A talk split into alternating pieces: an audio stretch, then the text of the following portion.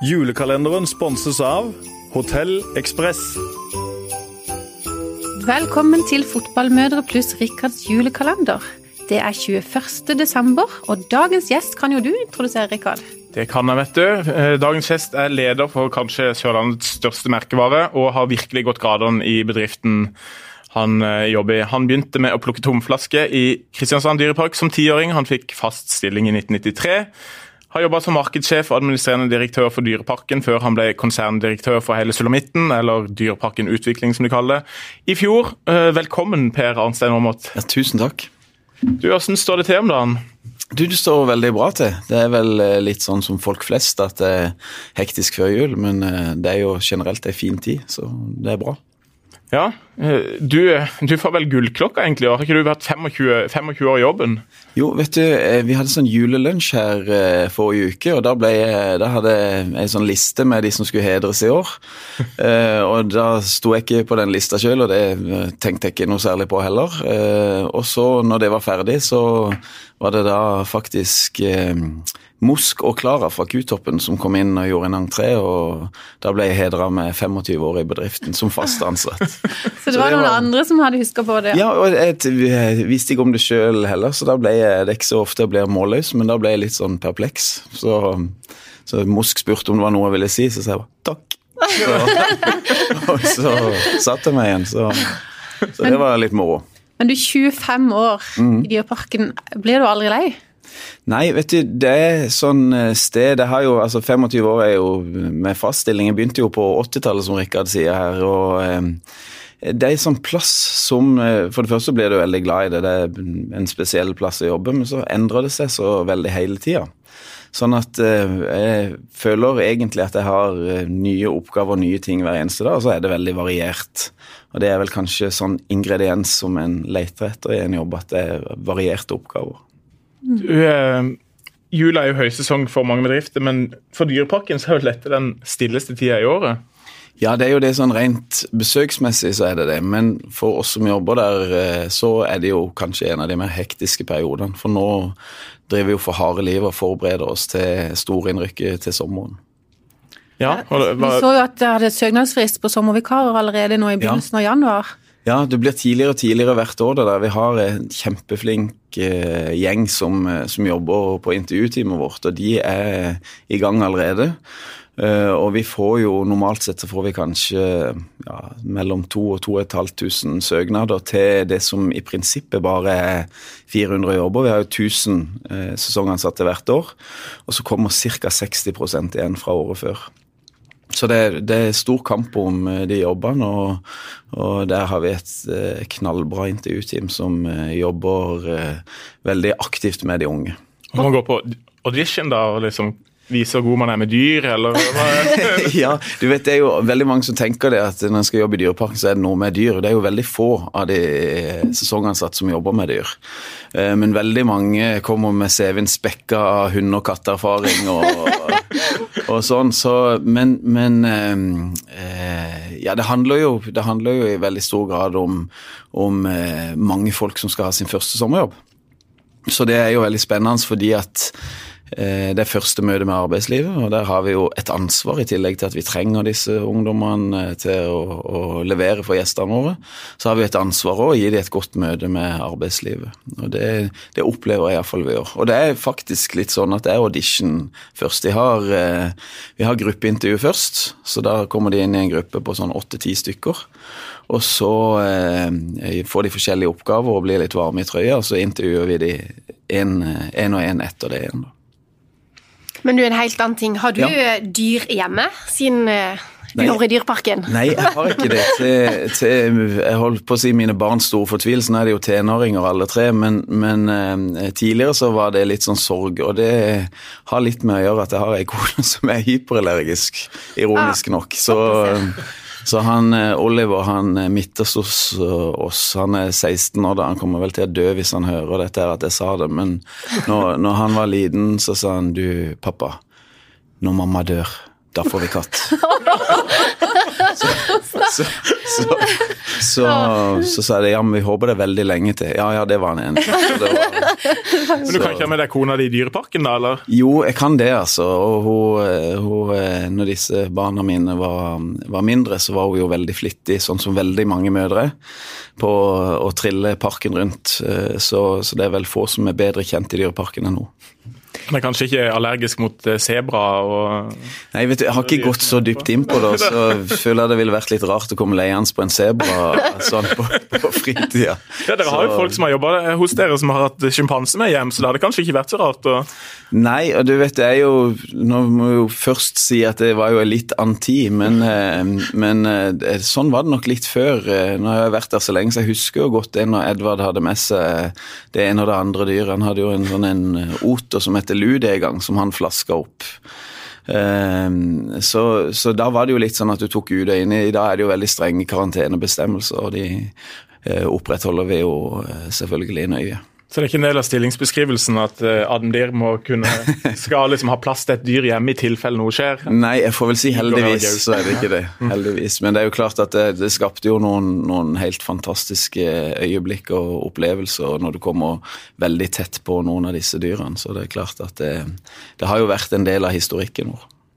Men du, jeg må bare spørre litt om Julius, for han er jo litt sånn eh, jevngammel med oss som sitter rundt bordet her, Ja. da. Så jeg husker jo når vi var små og nærmest vokste opp med Julius. Så han har jo fulgt den. Men er han fortsatt liksom veldig populær, eller er det liksom andre ting folk går i Dyreparken for å se nå? Vet du, Det er sånn merkelig ting med Julius, fordi at eh, det er nesten uansett når vi tenker at ja, nå er interessen for han over, så dukker det opp et eller annet nytt. Nå fyller han jo 40 år til neste år, eh, og da kommer vi jo til å, å lage litt feiring ut av det. Men det er jo eh, Jeg tror det var tidlig i år, altså i 2018, så fant vi jo ut at han var ren vestafrikansk sjimpanse. Og det betyr det, altså det var I veldig mange av dyreparkene som er med i sånne avlsprogrammer som vi er, så gjorde de gentest på de sjimpansene som var igjen, for det er så veldig få sånn vestafrikanske sjimpanser igjen. Og så fant de ut at jo, av våre sjimpanser så var det Julius som var ren vestafrikansk sjimpanse. Og da betyr det at nå eh, kan det veldig godt være at han blir sånn avlsfar. Så nå leter de etter make til han utenfor dyreparken, og så, så i sin ja, vet ikke hva jeg skal si, godt voksen alder iallfall, så kan det være han eh, Jeg vet ikke, det er vel det de kaller runde to i vår alder, egentlig. Han begynner på nytt igjen. Ja, han, jeg tror han begynner på nytt igjen. rett 40-årskrisa. Ja, jeg, jeg tror det. Men er det sånn at det liksom, eh, han kan komme i 40-årskrise nå, da? At det kan bli litt utagerende og Hvor gam- crazy? Hvor gamle blir sjimpanser? Sånn? Ja, altså sjimpanser i dyreparker kan faktisk bli helt opp i 60 år. Mellom 50 og 60 år er veldig vanlig. I naturen så, så eh, jeg tror jeg snittalder er rundt 40 år.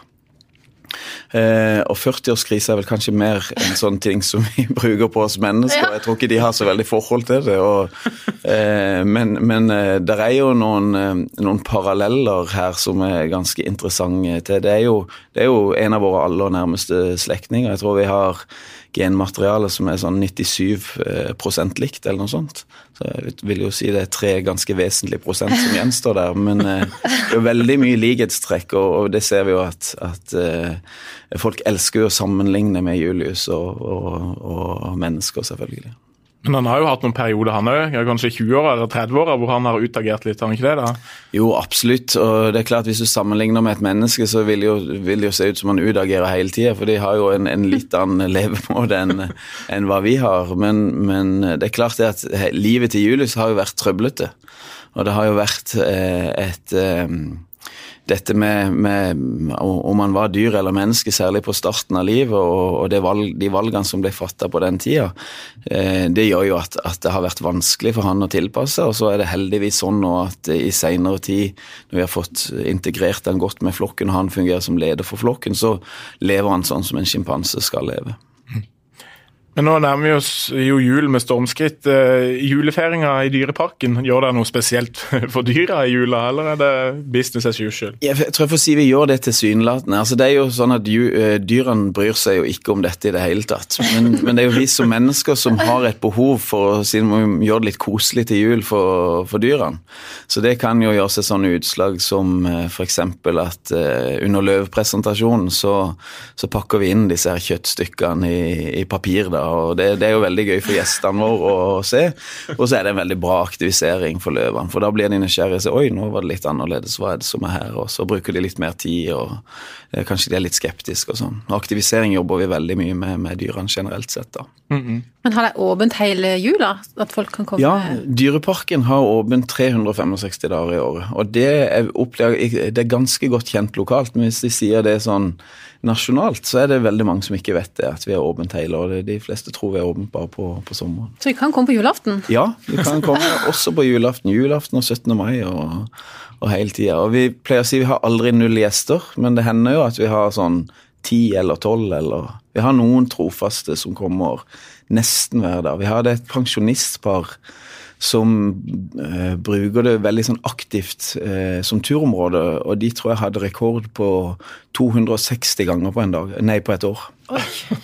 Så, så, og de pleier å si alltid det var så greit, det var alltid brøyda, alltid strødd. Så det var liksom, så, og gøye ting å se. Sånne ting du ikke ser i naturen for øvrig. Så. Men For å dra menneskeparallellen litt lenger her, det er ikke noen dyr som da reiser hjem til jul, eller som får besøk av familie i jula? eller er det, nei? Ikke mer bekjent, får jeg vel si. Det, Julius drakk ikke hjem til adoptivfamilien sin? nei, han, han ikke det. Nå så jeg at uh, eh, TV 2 faktisk sendte en sånn julespesial her om dagen, som var en av de uh, Dyrepasseepisodene, og da var det jo Billy og Reidun Glad, som jo var uh, mamma og pappa til Julius, i tillegg til Edvard Moseid, som uh, var besøkt han. Og det syns jeg jo nå er det gøyeste å se at en, en sjimpanse som nærmer seg 40 år, blir helt som et sånn lite barn igjen når han ser hun matmor hun Reidun, da. Så, så, der er det sterke bånd. Og også de har faktisk vært og, og besøkt, og de er jo fra tid til annen, både de og, og de barna, dine, eh, nei, barna sine, som jo er på, på, vår alder, da, som av og til er tilbake igjen. Og da, da husker, de, husker Julis de veldig godt. Akkurat sammen med barna til Edvard. Mm. Det er mye Julius-prat, men har du sjøl i ruten om Julius? Du, ja, et, etter hvert så får en jo mange sånne favoritter, men jeg, jeg, jeg, må vel si at jeg, jeg var veldig begeistra når vi fikk gepard til Dyreparken, og det er en sånn fascinasjon som har holdt seg. Det er liksom, det er verdens raskeste landpattedyr. 113 km i timen kan de komme opp i, og et utrolig flott og, og vakkert dyr. Vi har jo et prosjekt i, i Afrika, i, i Masamara, som vi var nettopp nede og besøkte nå for tre-fire ukers tid siden eh, på 20-årsjubileum. Uh, og der, uh, der, fikk vi se Det er et av de stedene i, i verden hvor gepardene faktisk er i fremgang, og, og, det er bra med geparder. Og Der fikk vi se både jakt og at de nedfelte et bytte, og det var helt fantastisk. Det er noe av det sånn mest primale en kan se, føler jeg. Men du er jo eh, altså direktør, du høres ut som du er veldig tett på dyrene.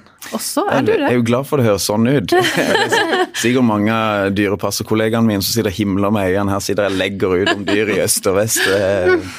Men, eh, men, eh, jeg tror det er litt sånn at eh, du blir veldig begeistra for det produktet du jobber med, og du blir de tingene jeg kan om dyr, kan jeg jo fordi at jeg har jobba der så lenge, og fordi det er interessant. Og det tror jeg, Hvis du hadde intervjua mange i Dyrepark, så tror jeg nok de ville hatt det forholdet til det. Og så er det klart vi har eh, spisskompetanse og ekspertise både i, i fagavdelinger og driftsavdelinger i, i Dyreparken. Men, men en blir veldig sånn begeistra for det produktet en holder på med. og det, det, er jo veldig mange som sier det, det å jobbe med levende ting at det, det, er noe spesielt. Og det har jeg egentlig alltid følt, selv om min side av dette har jo ofte vært det kommersielle og, og både markedssida og, og salg og hele den biten der. Så er liksom mye av hjertet i Dyreparken ligger i det med dyrene. Og når vi spør gjestene våre hovedgrunn for å besøke oss, så sier de jo nummer én det er dyr. Fremdeles, da, med Sabeltann som en sterk nummer to og Hakkebakkeskogen som en sterk nummer tre. Ja, men når du eh, har fri, mm. tar du med deg familien i Dyreparken fortsatt, eller er det Hver dag og to ganger på søndag. Jeg vet, tenkte. ja. Korrekt svar. Ja, nei, eh, ja, det hender ikke så ofte at når jeg har fri at vi går i Dyreparken bare for gøy, men det er ikke fryktelig lenge siden vi, vi gjorde det. Og det er jo fordi at eh, nå er, nå er, Jeg må jo si det, barna mine er 14, 16 og 18, og så det er klart at ja, det, eh, det å kalle det barn er jo en overdrivelse i seg sjøl. Men, men denne fascinasjonen som, som de Altså, de er jo, de er jo selvfølgelig prega og indoktrinerte og alt som er, så de er jo begeistra for alt i Dyreparken. Iallfall liker jeg å tro det. Eh, men, men eh, sånn som sabeltann og en del Altså det å se på dyr som er veldig universelt med alder. Veldig mange av de tingene eh, vil de gjerne gjøre ennå. Og eh, han, når han har utlevert den én gang, kan jeg ta den én gang til. Han samme Oliver, han, han sa til meg i sommer, så sa han du, eh, jeg skal på Sabeltann i morgen. Så sa jeg skal du på Sabeltann? Ja, men jeg tror ikke jeg rekker å, å, å ordne noe billett nå. Det, jeg, jeg, tror vi er utsolgt da. Sånn, ja, nei, han hadde kjøpt billett. Så, så, ja, så ble jeg litt sånn Ja, men du vet hva jeg jobber med og har visse muligheter, liksom. Så, ja, nei, de var tolv venner som skulle gå sammen, og han regnet ikke med jeg hadde å spandere tolv billetter. Så han hadde kjøpt billett. Og det ser vi, den sterkest voksende gruppa på Sabeltann-forestillinga, det er tenåringer. De kommer igjen for å gjenoppleve noe av det greiene som de har eh, hatt eh, sjøl når de vokste opp, da. Men du, helt til slutt, blir det juleferie på deg, da? Ja, det gjør det. Det er jo en av de tidene som jeg syns er deilig å ta litt fri. Selv om vi har det veldig travelt på den eh, tida, så syns jeg det pleier å si til de som jobber i Dyreparken, å benytte anledninga til å ta litt velfortjent fri. På sommeren så er det eh, sånn at da, da koker det så infernalsk at av og til så er det vanskelig å ta fri. Men i jula så er det sånn ja, vi, vi kan gjøre det etter nyttår eller så, så, jeg prøver å ta litt god juleferie hvert år. Åssen er julaften hjemme hos Åmot, da? Nei, i, det, det, er litt sånn annenhver eh, hvilken familie vi er med, holdt jeg på å si, kona eller eh, min. Eh, men eh, akkurat i år så, så, får vi ned eh, Jeg har tre søstre, så alle de kommer ned med, med sin familie. Så det blir sånn, sånn stor, storfamilien hjemme, hjemme i stua hos oss, da. Og det, ja, litt vi har prøvd å begrense det litt, da, sånn at det slipper å bli så veldig sånn. Og så er det, det er få små barn igjen, for jeg er yngst i søskenflokken. Så, så noen av disse barna har jo til og med egen familie og er på egen kant egne kanter. Da. Er det sebrasteig som serveres til Det er ikke sebrasteig. Det, det blir, eh, det blir eh, nokså tradisjonelt. Vi er sånn pinnekjøttfamilie. Min far var fra Vestlandet, så det, for meg er det pinnekjøtt på julaften. Du, Da vil vi bare ønske deg en riktig god jul, og tusen takk for at du kom på besøk i denne julekalenderpodkasten. Ja, i like måte, og takk for at jeg fikk komme.